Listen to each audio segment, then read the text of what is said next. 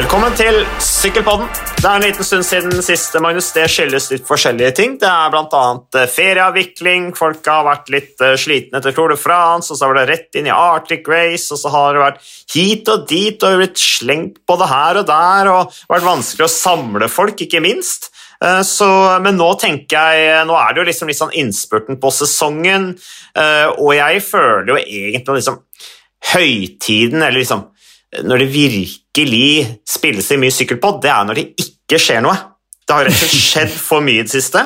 Eh, så vi har hatt eh, så mye å snakke om på, på TV og gjennom forskjellige nettartikler som bl.a. du har vært med å skrive, og sånne ting, eh, at vi har rett og slett ikke hatt tid til å spille inn sykkelpod. Men jeg fikk en, en, mail, fra, en mail faktisk fra Andreas Rom, som tydeligvis er en av våre lyttere, som da ba oss om å komme i gang, og den mailen fikk jeg vel i går.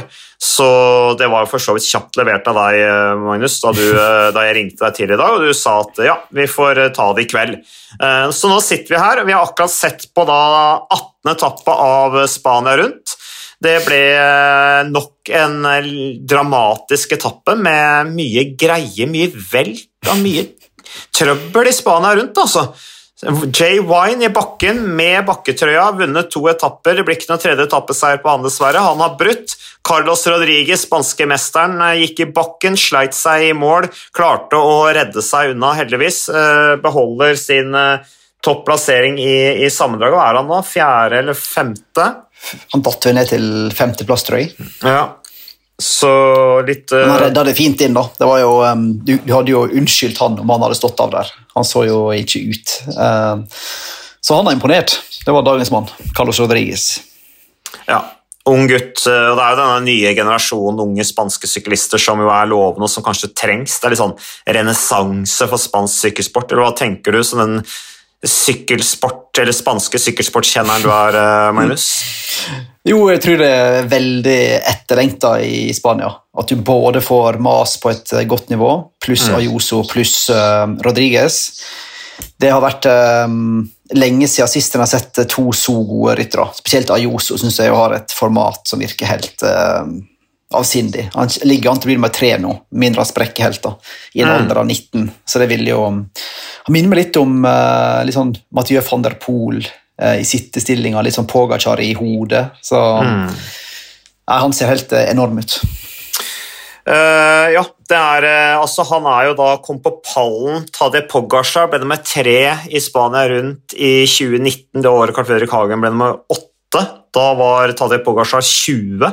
Ayoso er nå 19, så han er jo sånn sett foran skjemaet til Pogacar. Um, hva tenker vi om liksom uh, Er Ayoso på et tilsvarende nivå som Pogasjar? Hva tenker du om det? Jeg tenker jo at Pog vant jo tre etapper det året òg, om jeg ikke husker helt feil. Mm. Um, og var jo men ett år eldre Nei, jeg vet da søren. Det er ikke langt unna, i alle fall. Det er ikke langt unna.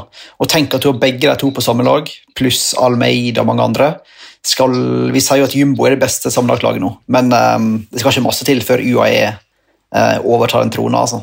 Um, så Pog pluss Ayoso det kan bli en uh, enorm duo i åra som kommer. Ja, så har du ryttere som Pollard, som er supersolid, og Mark Soler, som er etter min mening helt fantastisk i årets Spania rundt. Han leverer jo hver dag, altså. Endelig blomstrer han.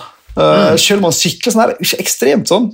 Uh, vi har vært avskrevet han mange ganger, begge to. Uh, mm. Og Kristian Påsk og Magnus Drivnes. Men så kommer han opp i sin sånn der, sånn vuggende stil. Urytmisk tråkk, syns jeg. Står mm. litt, setter seg litt ned. Uh, Veit aldri helt hvor lagkompis han er.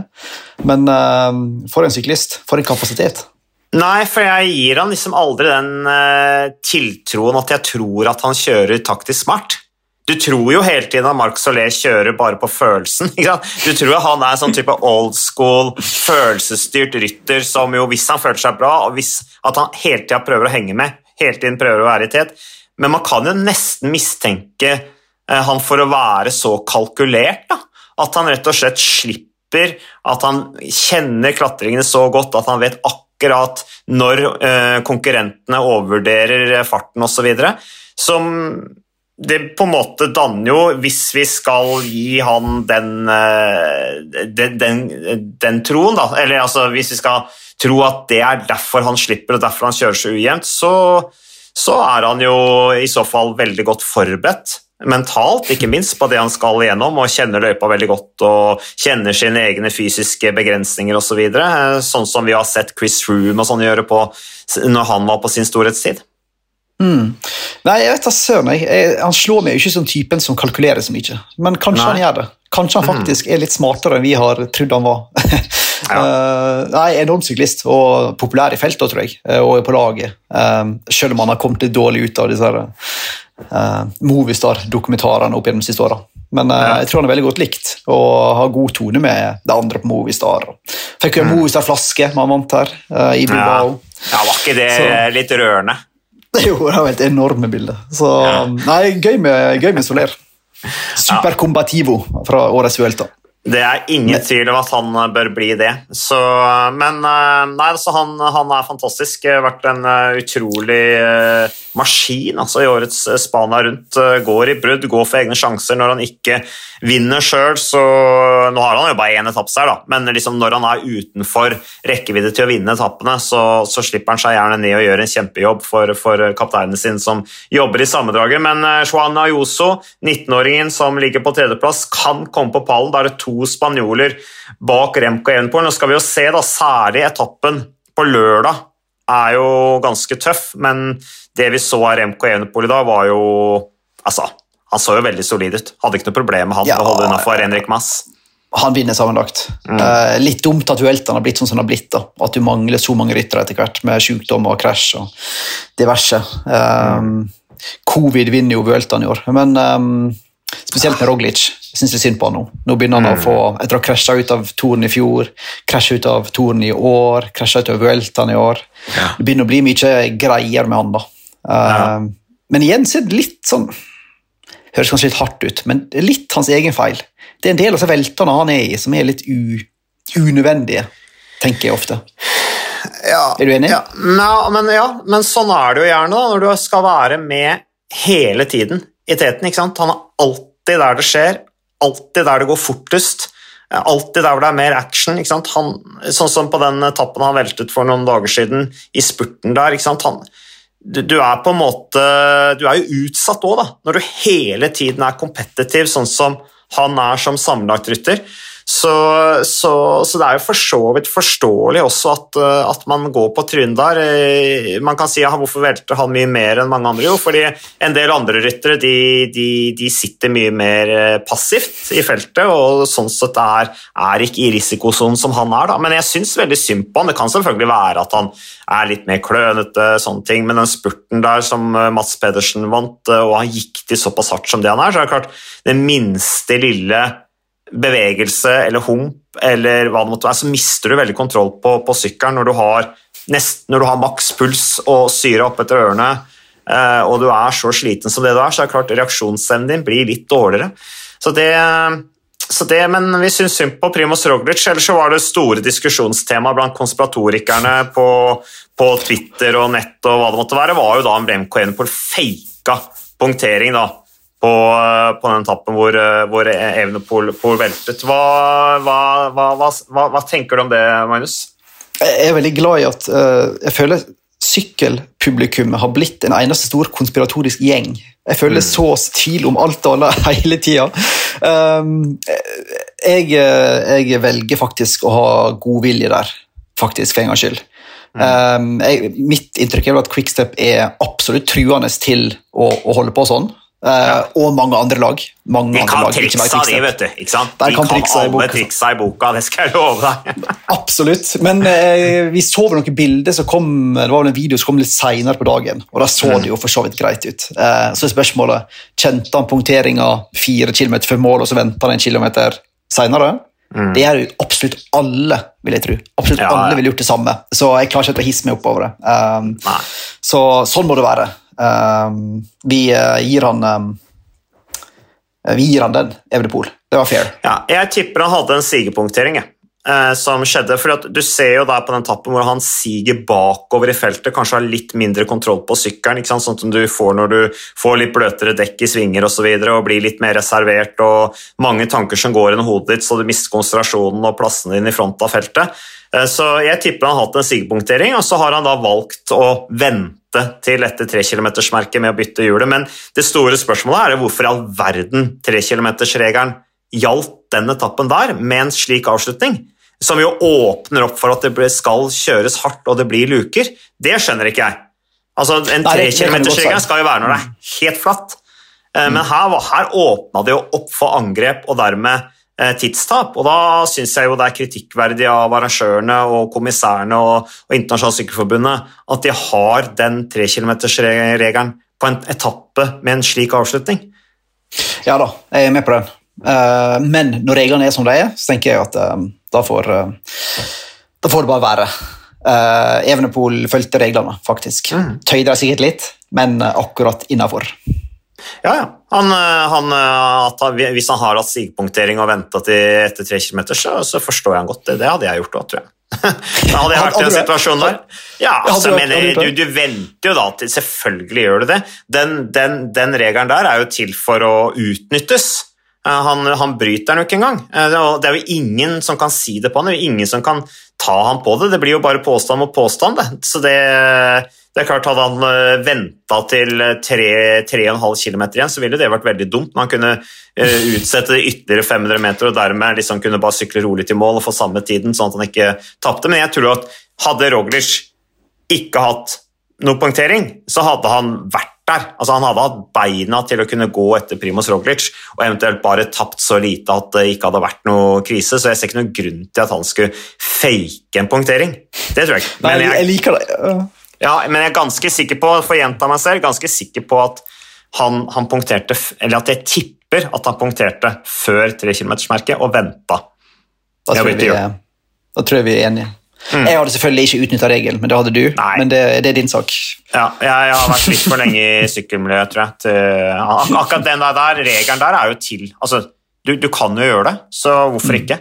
Det, men ellers, eh, det har jo vært eh, et, eh, veldig dramatisk Spania rundt da, i form av, sant, som du sier, Magnus, sykdom, velt, de tinga der. Ellers så har det vært et ganske sånn typisk eh, lett underholdende Spania rundt, syns jeg. Så det har levert. Så det skal bli spennende da siste helgen med etappe 1920, eh, som da Særlig 20, som kan bli litt eh, avgjørende. Det er jo kamp om podiet der. og Så får vi se da, om Evenepool holder hele veien. Det er, da er han i så fall den første belgier siden 1978 til å vinne en Grand Tour, så det er klart det, det henger høyt, det. Det var altså da Johan de Møyk som, eh, som vant giroen da i 1978. Så det blir helt sikkert stort. Det i Belgia blir feiring da, altså. Det vet du. Ja, ja, ja. Og da kommer òg folkekravet fra Belgia om at Evenepool må til Toren for å utfordre Pogg og Vingård neste år, garantert. Mm. Mm. Og det tror ikke Lefebvre kan motsette seg, selv om han sier at ah, det er for tidlig og bla, bla, bla. Bullshit. Dette er hans fjerde sesong. Han kommer til å stille i Toren hvis han vinner Bølta nå. Ja, uansett, egentlig. Mm. Nå har han vist han kan stå distansen, så da ja. Ja. Det, er, det, er, jo litt artig å høre at du ikke nevner Jonas Vingegård, da. Jo, jeg sa ikke Pogg og Vingegård? Nei, sa du ikke Pogg og Rock... Nei, det er mulig jeg hørte feil. Oh, ja. jeg, jeg, jeg, bare, bare, i mitt hode. Nei, men du, det, det, kan godt tenkes at jeg bare hørte feil. Det, så, men, eh, men, hvis det er en som faktisk kan slå de gutta der, så er det vel Remco Evenepool? Absolutt. Og jeg tenker jo, Han er jo veldig forskjellig annen type rytter enn de to. da. Um, men apropos Vingo og Roglic. Hva mm. tror du skjer da nå, når Roglic uh, i hermetegn feiler da, igjen mm. for andre året nå? I Toren, og så krasjer han ut av Vøltan. Kommer han da til Toren neste år som hjelperytter for Vingård? Eller sender han til Giro eller Vuelta for, eksempel, for å spre de to? De hadde jo ganske stor suksess med med Roglic i Tour de France i år, da, for å være helt ærlig.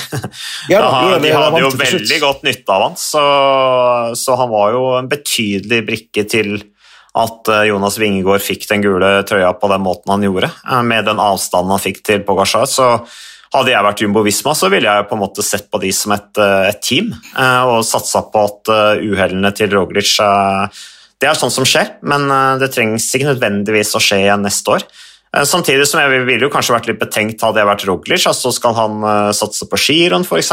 Uh, så, så det blir spennende å se, men jeg tenker jo at hadde jeg vært Jumbo Visma, så hadde jeg prøvd å, å ha han der. Nettopp fordi at de to gutta sammen er jo dynamitt, Roglic og, og Vingegård. De virker jo som to veldig profesjonelle karer og uten at det blir noe bråk mellom de, og de har klart å balansere dette laget her på en helt utrolig måte i Tour de France, med også van Ert oppi det hele. Eh, og Det hadde vært spennende å se hva som skjedde da, hvis, eh, hvis Rogers ikke var skada. Jeg vil jo tro at på denne etappen eh, hvor de var over Galibier og var helt til det siste fjellet hvor de gikk i mål der i Tour de France eh, Granot. Granot, ja. Altså, tenk, tenk deg hvor, hvordan ville Roglic vært om han ikke hadde hatt den stygge velten på femte etappe til Arnberg. Altså, han var jo sannsynligvis allerede da ganske redusert, men allikevel så var han jo med å hamre løs på Tadej Pogacar. Så, mm. så, han har jo mer Han har jo potensial til å gjøre mer, tenker jeg. Eh, så, så hadde, jeg vært, hadde, jeg vært, folka rundt Roglic, hadde jeg sagt ja, men Roglic eller Primus, se på deg, se hvordan du kjørte på den etappen til Granot. Se hvilken bidragsyter du var, hvilken ressurs du har vært for laget, til tross for at du da var hardt skada. Altså, du har jo mm. masse mer å gå på. Eh, så, så jeg ville jo motivert han til å fortsette å satse på Tour de France. Og det kan jo være at Vingegård også liksom, ok, nå har han vunnet Tour de France et år. Kanskje er han motivert til å hjelpe Roglic hvis plutselig det er Roglic da, som, som sitter i posisjonen til, til, å vinne neste år. Hvem vet?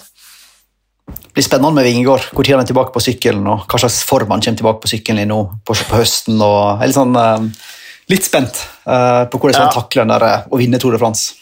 Ja, etter å blitt tatt imot som paven i København etter Tour de France, har blitt fløyet i privatfly eskortert av danske jagerfly. Og med det folkehavet som var i København altså, altså, Du kunne ikke se enden på folkehavet. Eh, så tenker jeg at eh, Og nå, er fatteren, nå farter han jo bare rundt og, og, og, holder på med Han er jo på en måte fremdeles på nachspiel, liksom. Så lurer jeg på liksom hvor lenge han kan holde på sånn før det begynner å gå utover grunnlaget for neste år. Ja, det må, det må jo påvirke en så eh, snill og stille og beskjeden type som han. Eh, jeg kan ikke skjønne noe annet. Så Det blir spennende å se hvordan han håndterer det. altså.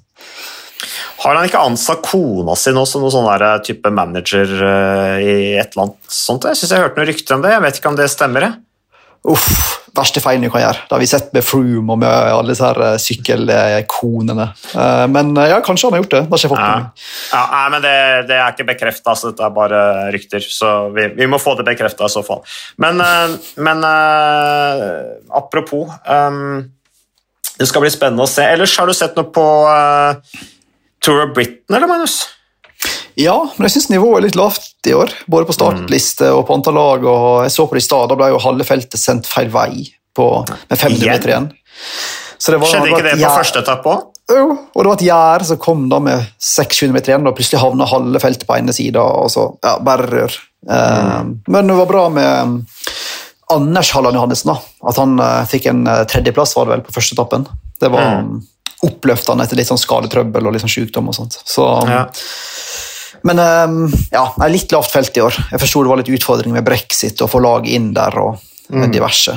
Så, ehm, men det er vel òg ehm, Ja, Pidcock er jo litt nysgjerrig på, med tanke på VM og sånt. Men han virker til å være litt unna formen etter den der Var det fjerdeplass han fikk i terreng-VM til slutt?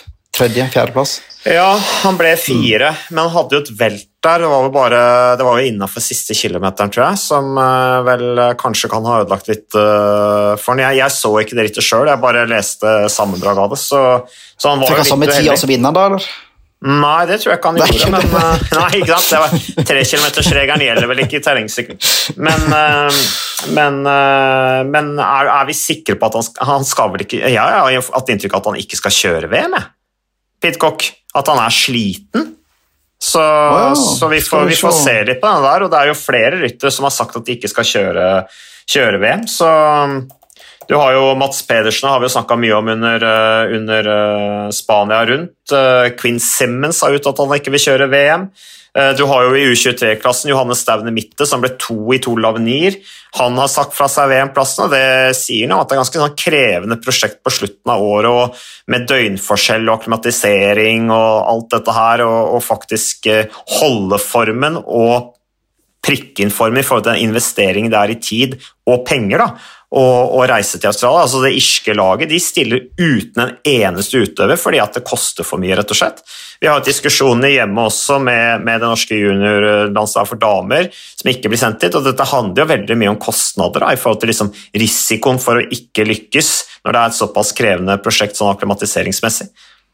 Du har rett, Pidcock skal ikke til VM. Så mm. det var bra du er oppdatert. Men ja, det er mange som uh, sliter. da, og blant annet så sliter jo store nasjoner med å få de beste rytterne sine med. sant? Når Valverde ikke får lov til å sykle for Spania fordi han skal samle poeng til, for å holde seg i worldtouren. Det blir litt sånn mm. rart VM. Men um, ja, Det er jo samme ja.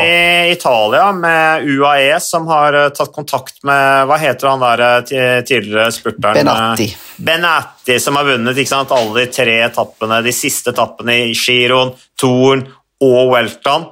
Uh, han er jo nå landslagstrener i Italia og har fått en forespørsel fra UAE om at, og, og Ulissi at han ikke skal kjøre VM, sånn at han kan sanke poeng til UAE. Men jeg skjønner ikke hva UAE er så stressa for. De har nei, de har mer enn nok poeng. Ja, ja. Nei, Jeg vet ikke helt hvorfor, men, um, men jeg ser jo, ja, mange amerikanere får ikke lov til å dra fordi, fordi lagene der holder igjen. Så det er jo litt sånn um, jeg tror ikke det var det UCI håpte på da de designa dette programmet, at de beste skulle stå over VM for å redde plassen i, i OL-touren. Men um, ja, ja, det er masse med systemer der som går an å diskutere. Ja, og Kokar brøyt jo Spania rundt nå, det kan jo det, det annonserte han jo for lenge siden, franskmannen i Kofferis, men det er vel også fordi at han ønsker å spare kreftene til andre ritt som hvor det er større sjanse for å ta poeng. Og han er jo en poengsanker. Han vinner ikke, men han sanker jo poeng. Så, mm. så det, er et, eh, det, er jo et poeng i seg selv. Men, eh, nei, men jeg vet ikke hva vi skal si om altså VM i Wollongong i Australia. Det går jo da 18. til 25. september. Vi sender jo det, selvfølgelig. Eh, da ligger de fleste og sover. Men det blir jo litt sånn som med, podkast med sykkelpodden, at det blir, med, blir få, få lite, lite, publikum. Eh, men, eh, men, vi sender i hvert fall, og skal sitte oppe hele natta og, og, og gjøre det. Nå er det jo Grand Prix Quebec og Grand Prix Montreal 9. til 9. og 11. september i Canada. Gutta har selvfølgelig reist over der nå. Tobias Foss, Sven-Erik Bystrøm og Andreas Leknesund er til start der. og Slik jeg forstått det, så reiser de da videre over til Australia. Det samme gjør jo selvfølgelig Wow van Ert, som er favoritt til å vinne de rittene i Canada, og favoritt til å vinne eh, VM-fellesstarten. Van Ert kjører ikke tempoen, skal all in på fellesstarten. Andre til start i Canada er jo Tadje Pogacar, Petter Saga og Michael Matthews. Så det er ganske bra felt. Jeg vil jo tro at kanskje vi får mer indikasjoner på hvem som står med eh, regnbuetrøya etter ritten i Canada, enn det vi gjør fra Spania rundt. Jeg vet ikke hvem i Spania rundt som skal kjøre VM engang. Nei, Remco Evenepool er jo på en måte rute, da, men jeg er jo ja. spent på hvordan han hentes inn. Men uh, det blir jo dødsku dødskult i Canada. Da skal jeg sitte oppe på fredag og søndag. Altså, mm. Van Art mot Pogacar mot Matthews. Det er litt av en uh, trio, det. altså. Mm. Det kan fort bli uh, trioen sitt igjen i VM-ene. Uh, ja. Passer jo perfekt, egentlig. Uh, kult at Pog stiller opp og satser så tungt på disse endagsklassikerne. Så mm. jeg tror van Art for første gang, eller ikke første gang, men at han endelig får en fellesstart, VM-seieren sin i år. I år tror jeg han sitter. Ja, det kledde han, det, altså. Det hadde absolutt kledd han. Han har egentlig en, fortjent det etter mange andre plasser. Mm, en verdig verdensmester. Pogacar òg for øvrig. Absolutt. Hadde kledd den VM-trøya, han også. Ah. Men du sa det jo selvfølgelig, Remco Evenepool skal jo kjøre VM, uh, og det blir jo litt spennende å se på samspillet mellom han og van Ert etter at det var litt dårlig da i, uh, i løvet i Belgia i fjor, hvor Evenepool fikk litt kritikk. Jeg har jo forsvart Evenepool. Jeg mener at dette her går på kontoen hans over at han er uerfaren og yr, ung rytter på hjemmebane som prøvde å gjøre sitt beste, men bomma litt på det rent taktiske. Men eh, jeg vet ikke om du er enig med meg i det? Um, nei, ikke egentlig. Ikke noe f.eks. å droppe å møte opp på evalueringa sammen med resten av gutta etterpå. Da mm. føler jeg han vet at han har gjort noe han egentlig ikke skulle. Ja. Så skulle de ha en slags forsoningsmøte på våren til det ikke ble noe av. Eh, men det virker som de snakker litt sammen. Det virker som begge to skryter av hverandre. Van Art skryter av Evenepool i Belgia, eh, mm. og motsatt. da. Så jeg tipper det funker bra denne gangen. Det var, det var ikke det verste eksempelet jeg har sett på, på lagkjøring. Det var ikke helt ideelt, men heller ikke det verste jeg har sett. altså. Jeg har sett verre i, i Norge, for, for eksempel. ja, ja, eh, det har vi. Men eh, nei, han, han, var jo representert etter bruddet. ikke sant? Et stort brudd som gikk og satt der og tok føringer som han ikke skulle ta. Det var vel det det handlet om. da. Så, um, så det, men, nei, men, det skal bli spennende å se på det belgiske laget der. og Mathieu van de Poel, hva vet du om hans oppkjøring til VM, Magnus? Han sier at han går for gull, og hvis han sier det Han pleier å være ganske sånn avmålt. Så tenker jeg at da er formen kanon. Ryggen er visst bra. Mm. han driver og kjører en del sånne der, mindre kermesse og endagsritt i Belgia nå for å mm. finpusse formen. Så um, han òg hadde jo, apropos, kledd ei uh, verdensmestertrøye. da. Ja, Nå er vi vant ja. til å se Mathieu van de Poel i VM-trøye som sykkelcrossrytter. For så vidt også hva van Ert, men særlig, særlig Mathieu van de Poel. Men, eh, så vi vet jo hvordan han ser ut i den.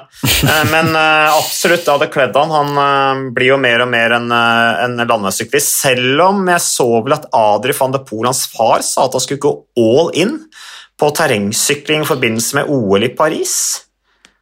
Det stemmer jo, men Ja, nei, han om det. Mm. jeg skjønner jo det når du feiler som han gjorde i OL i fjor. Mm. Uh, men um, jeg føler han har så masse å hente på landeveien uh, at snart må fokusere 100% Men mm. Det er litt surt for ham å se at Thomas Pidcock har OL-gull i terrengsykling, så har ikke han det, liksom. Så, og jeg er enig med deg, som du sier, ikke sant? han går all in nå på ja, Jeg tror at han eh, satser går all in på landevei i 2023, og så kjører han all in på terrengsykkel, litt sånn lett eh, landeveisprogram for å ta det OL-gullet i Paris, som jo er mye enklere å håndtere også, i og med at det er på det europeiske kontinentet. Så det skal bli spennende å se. Ellers, eh, det her Seratisit Challenge er jo også i gang, damenes eh, Spania rundt, med da det er bra norsk representasjon der med Coop Hightech Products og UnoX. Eh, jeg har bare fått med meg førsteetappen, det var lagtempo. Det ble en ganske tung start både for UnoX og Team Coop Hightech Products på 12. og 17. plass respektive. Katrine Aalerud Kjørte jo inn da med Movistar-laget og Mick van Flyten inn til en femteplass, som jo er et godt utgangspunkt. Katrine Aalerud som jo blir kaptein da, på det norske damelandslaget i, i, Australia. Ellers tilbake til Storbritannia rundt uh, Magnus. Jeg bare noterte her uh, at uh, Hva skjedde med Anders Halland Johannessen? han lå jo på en topp ti-plassering samla. Har du fått med deg hva som skjedde der? Jeg, jeg har ikke sett på det. Skjønner. Nei, jeg stussa sjøl, uh, men har ikke snakka med han, så jeg vet egentlig ikke helt hva som skjedde der. Uh, om det var et eller annet uhell eller et eller annet som For det skurra litt det der plutselig. På tredje etappe var det vel. Han kom langt bak i mål. Så, ja, fjerde etappe, ja, fjerde etappe falt han ned 49 plasser sammenlagt fra en sjetteplass. Da. Så um, det, der må det ha skjedd et eller annet etter å ha startet rittet veldig bra. Så, mm. så, det. Men du har jo kommentert Spania rundt, jeg har kommentert Spania rundt det også. og Vi har holdt på med, med litt vårt. Ellers Gonzalo Serrano er jo et sånn relativt ukjent navn. 28-åringen i Movistar som, som da leder rittet. Ble 13 sammenlagt i Sveits rundt i fjor og har vunnet to etapper av Andalusia rundt. Så sånn sett er han kanskje en rytter som ikke har fått liksom Eh, eh, blomstre, kanskje, i Movistar-laget. For det er jo en del av de. Absolutt. Han knakk vel albuen her i vår og var ute en stund òg, så han er vel akkurat tilbake igjen. tror jeg. Mm. Så han er bra rytter, men både han og han eh, Garcia Cortina eh, forsvinner jo litt i Movistar. Eh, mm. Forsvinner litt i Movistars håpløse rekruttering og organisering. Så, mm. eh, men nå reddes jo det av Mas, da, som redde World Tour-plassen, sannsynligvis. Så da slipper ja. de ydmykelsen av å havne på nivå to. Det hadde blitt for dumt. Uff, ja, Det hadde vært ydmykende. altså. Forferdelig ydmykende. Særlig med ja. den sponsoren som jeg tror investerer ganske tungt i, i laget. Så, og har vært så lojal nå lenge, så tror jeg det ville vært helt krise. Men uh, med Mass, det er jo hyggelig å se synes jeg, at Henrik Mass gjør det bra. Han uh, Kom jo på pallen i fjor òg. Ble to eller tre. eh, Den mest usynlige ballplassen i fjorårets Grand Tour. Men, eh, men eh, nå får han, og nå som Roglic er borte, så er han liksom utfordreren til Evenepool. Og på en måte, han blir på en måte litt mer lagt merke til, da. Henrik Mass, syns jeg nå, i avslutningen av Spania rundt. Er du enig i at Enrik Maas er vår tids José Joseba Bellocchi?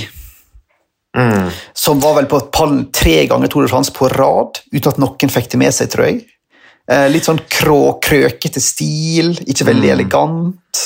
Nei. Er du med på resonnementet? Ja, bortsett fra at Beloki angrep Lance Armstrong da, i fjellene. Det i seg selv skapte jo på en måte veldig mye forventning og mye begeistring. Det var liksom han mot overmakta. Jeg føler ikke at Henrik Mass har vært der. Han har med på en måte Han har aldri vært i posisjon til å angripe i Tour de France, føler jeg. Eh, I hvert fall ikke seriøst.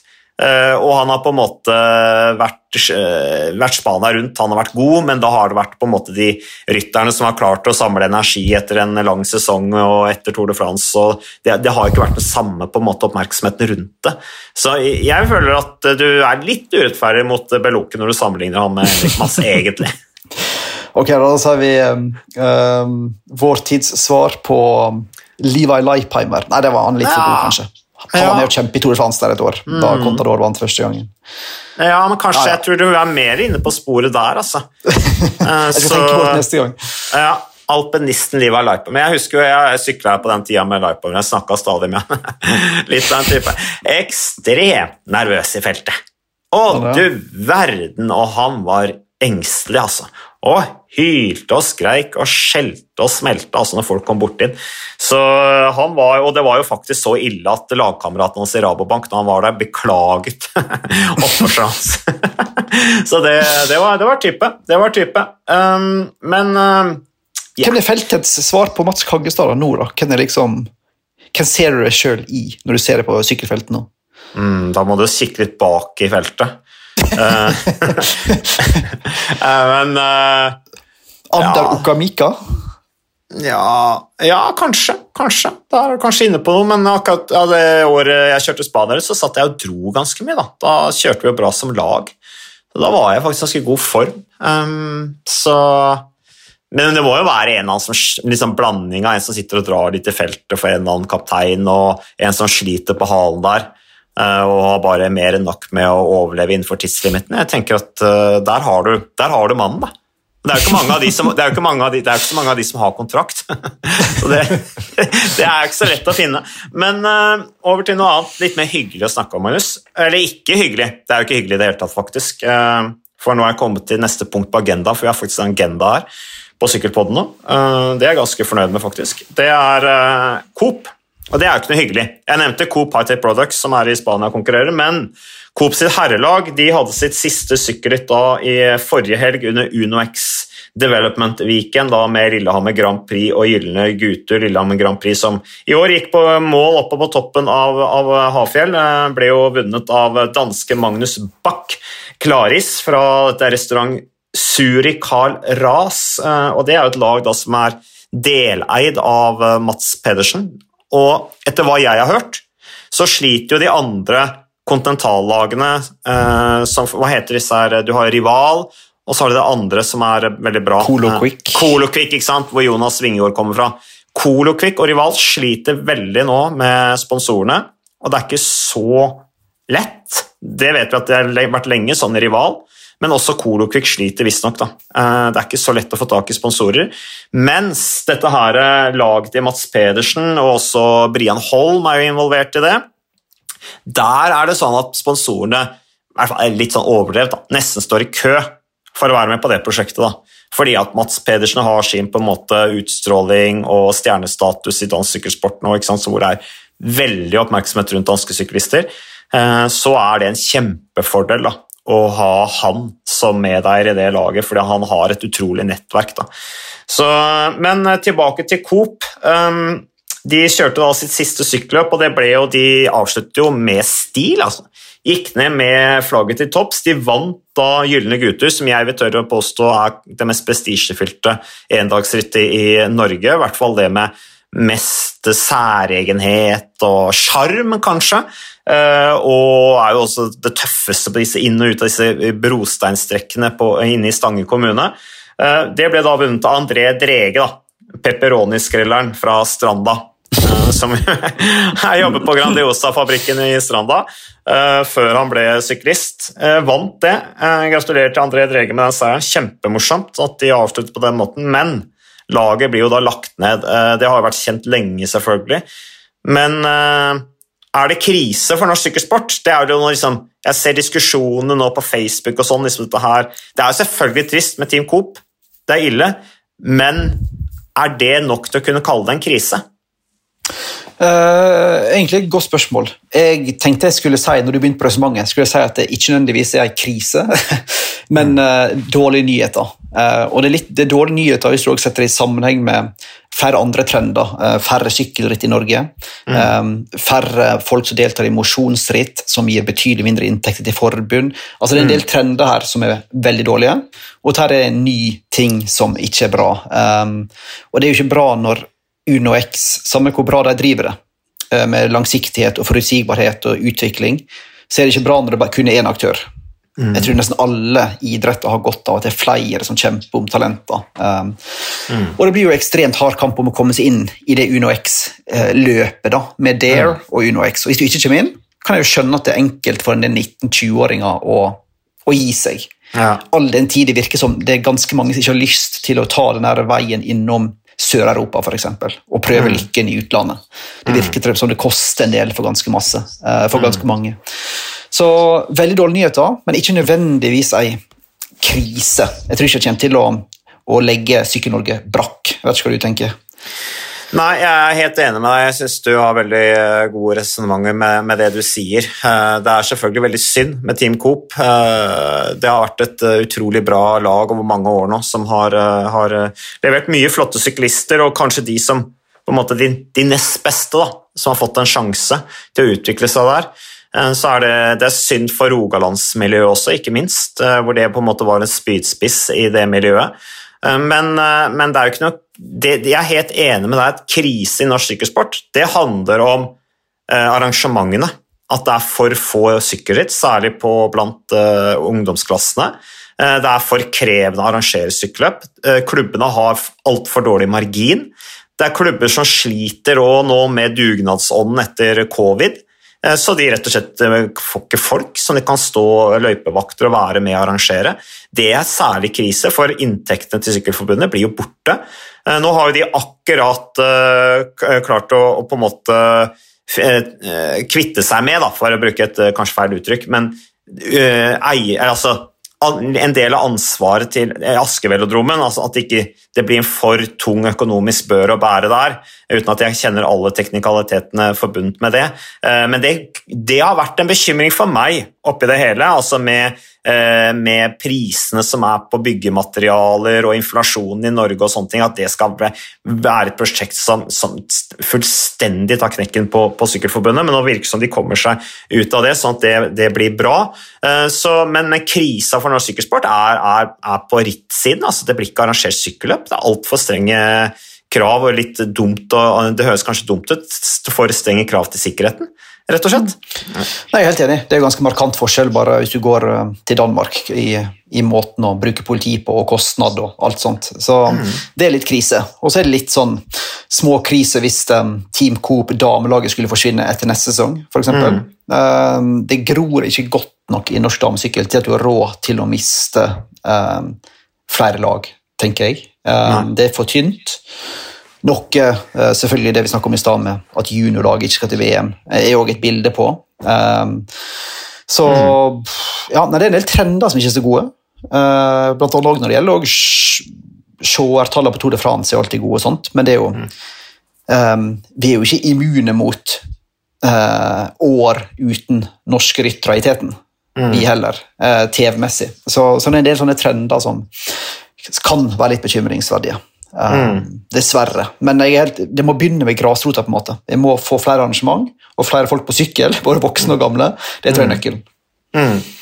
Ja, og så er det det positive er at vi har to, altså vi har én velodrom som er oppe og går, eh, som jo, hvor det yngler veldig, blitt et veldig bra miljø i, i Rogaland rundt den velodromen. Der kommer det til å utvikles mye bra talenter, tror jeg. Eh, og så er det, Du har nevnt UnoX. Det er klart at det er en gave til norsk sykkelsport, uten tvil. Eh, og så har vi en bra generasjon på gang, med, med nok et bra kull med juniorer. Eh, Nordhagen, som jo nå er eh, kjempebra, kanskje en av favorittene til å vinne junior-VM i, i, Australia, eh, som, som, er en spennende rytter. Men det er klart det der, vi, vi er ganske vant med juniorer, U23-rytter, som er veldig gode. Til og med vinner eh, ikke sant, Tour Lavenir med alle Megasin-skapet. og Det er ikke gitt. Altså, det tar litt tid før de blir gode World Tour-ryttere, og det er da man virkelig oppdager opp, det er da publikum oppdager de, og det er da det skaper begeistring, og det er da det kommer på TV, og det er da yngre uh, utøvere blir inspirert. Sånn at, uh, sånn at uh, det tar litt tid å bygge opp folk, og det kan på en måte Nå må vi være litt tålmodige, tror jeg også, for det, det, er, det er, mange gode ryttere på gang. Andreas Leknesund begynner å blomstre også, ikke sant? sånn som han kjørte i, i Tour de France. Det var fantastisk, den seieren hans i Arctic Race of Norway òg. Så, så del, Det er en sånn, veldig sånn blanda bilde, føler jeg. Og akkurat når det gjelder Coop og den situasjonen som det er for de rytterne som ikke er på UnoX, X, så, så blir jo det litt sånn old school. da. Det, det positive er at utenlandske Nå er det jo veldig mye utenlandske agenter, sånn nettverk, det er veldig organisert.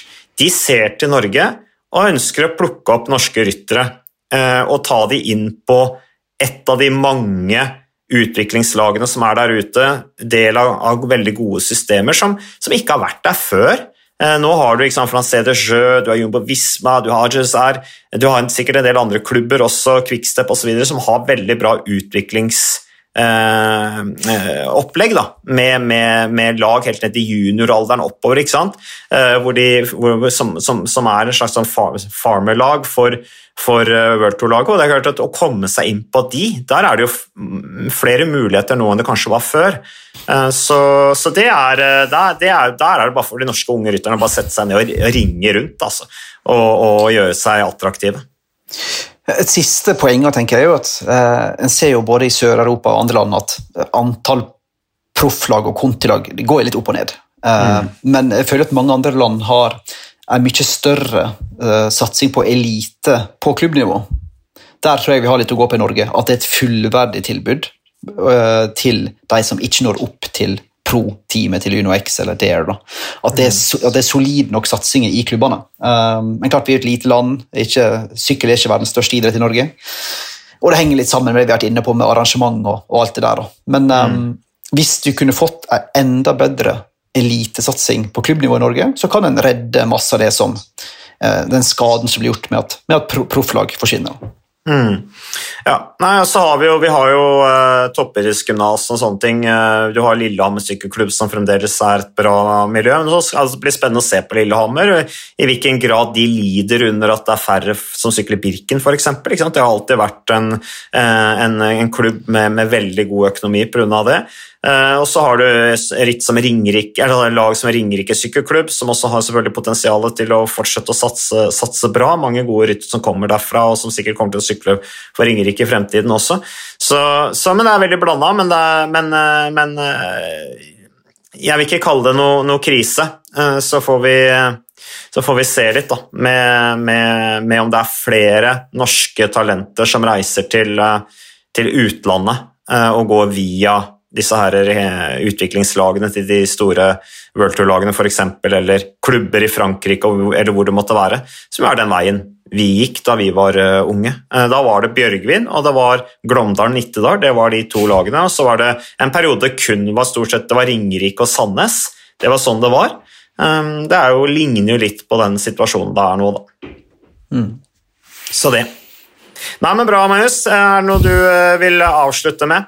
Tordentale på slutten av podkasten? jeg har ganske få sånne Jeg har lite sinn i meg om dagen, mm. så jeg er ikke så sur på folk. Ikke, er, du, er, du, sur på mange i sykkelsporten? Nei, jeg er ikke noe sånn generelt ikke noe spesielt sint. Eh, jeg tenker jo at eh, jeg er veldig sint på krigen i Ukraina, liksom. jeg tror ikke vi skal gå inn på den nå. Um, det, men ellers så, så, tror jeg at vi har mange gode grunner til å være fornøyd. og At eh, vi skal være snille med hverandre. Det tror jeg er veldig lurt. Ja, og Den største utfordringen framover blir jo på en måte å, å tidsnok begynne å snu døgnet med tanke på sykkel-VM. Det er ikke så Ja, lenge til. Blir litt liksom sint når jeg tenker på det. På heimbane man begynner på en måte å legge opp noen rutiner, så at en kan liksom skubbe eh, døgnet seks timer, kanskje. i hvert fall. da. Ja, Så- men jeg har ikke tenkt å gjøre det. Vi tar, bare, vi tar imot ja, tips der. ja, Men jeg har bare tenkt å ta det på strak arm. jeg. Og bare liksom Ja, ja, men altså jeg, jeg, det er to, Jeg skal kommentere to netter, da. Um, så liksom uh, Ja. Jeg tror jeg bare tar det som det kommer. Altså. Det kan godt tenkes jeg kommer til å lide under det. Men Nå skal det bli en uh, søvnig Kaggestad ut på kilometer 200 på fellesstarten der på natt til ja, søndag. ja, men jeg har jo Christian Påske, da, som er veldig god på det, så han holder meg sikkert oppe. Så vi Så får satse på at det går bra. Nei, Så det, det blir bra, det. Nei, men eh, Takk Magnus, for eh, innsatsen. Takk til Takk eh, lytterne våre som eh, lytter. Eh, lider seg gjennom uh, podkastene vi lager. Og ikke minst eh, ja, minner oss på at vi faktisk har en podkast som heter Sykkelpodden, som jo må ha innhold innimellom. Ja, Så kan vi vel prøve å få til en, en VM-spesial kanskje i løpet av, av neste uke. Mm, ja, Uten å love noe, så kan vi ha det som en målsetting. Men nå har du på en måte forplikta deg litt da, ved å si det du sa. Eh, og, og, egne utsagn forplikter jo, så da tenker jeg vi satser på det. Og så ønsker vi alle en eh, videre fin kveld eller dag eller hvor du måtte være i døgnet. Takk for oss!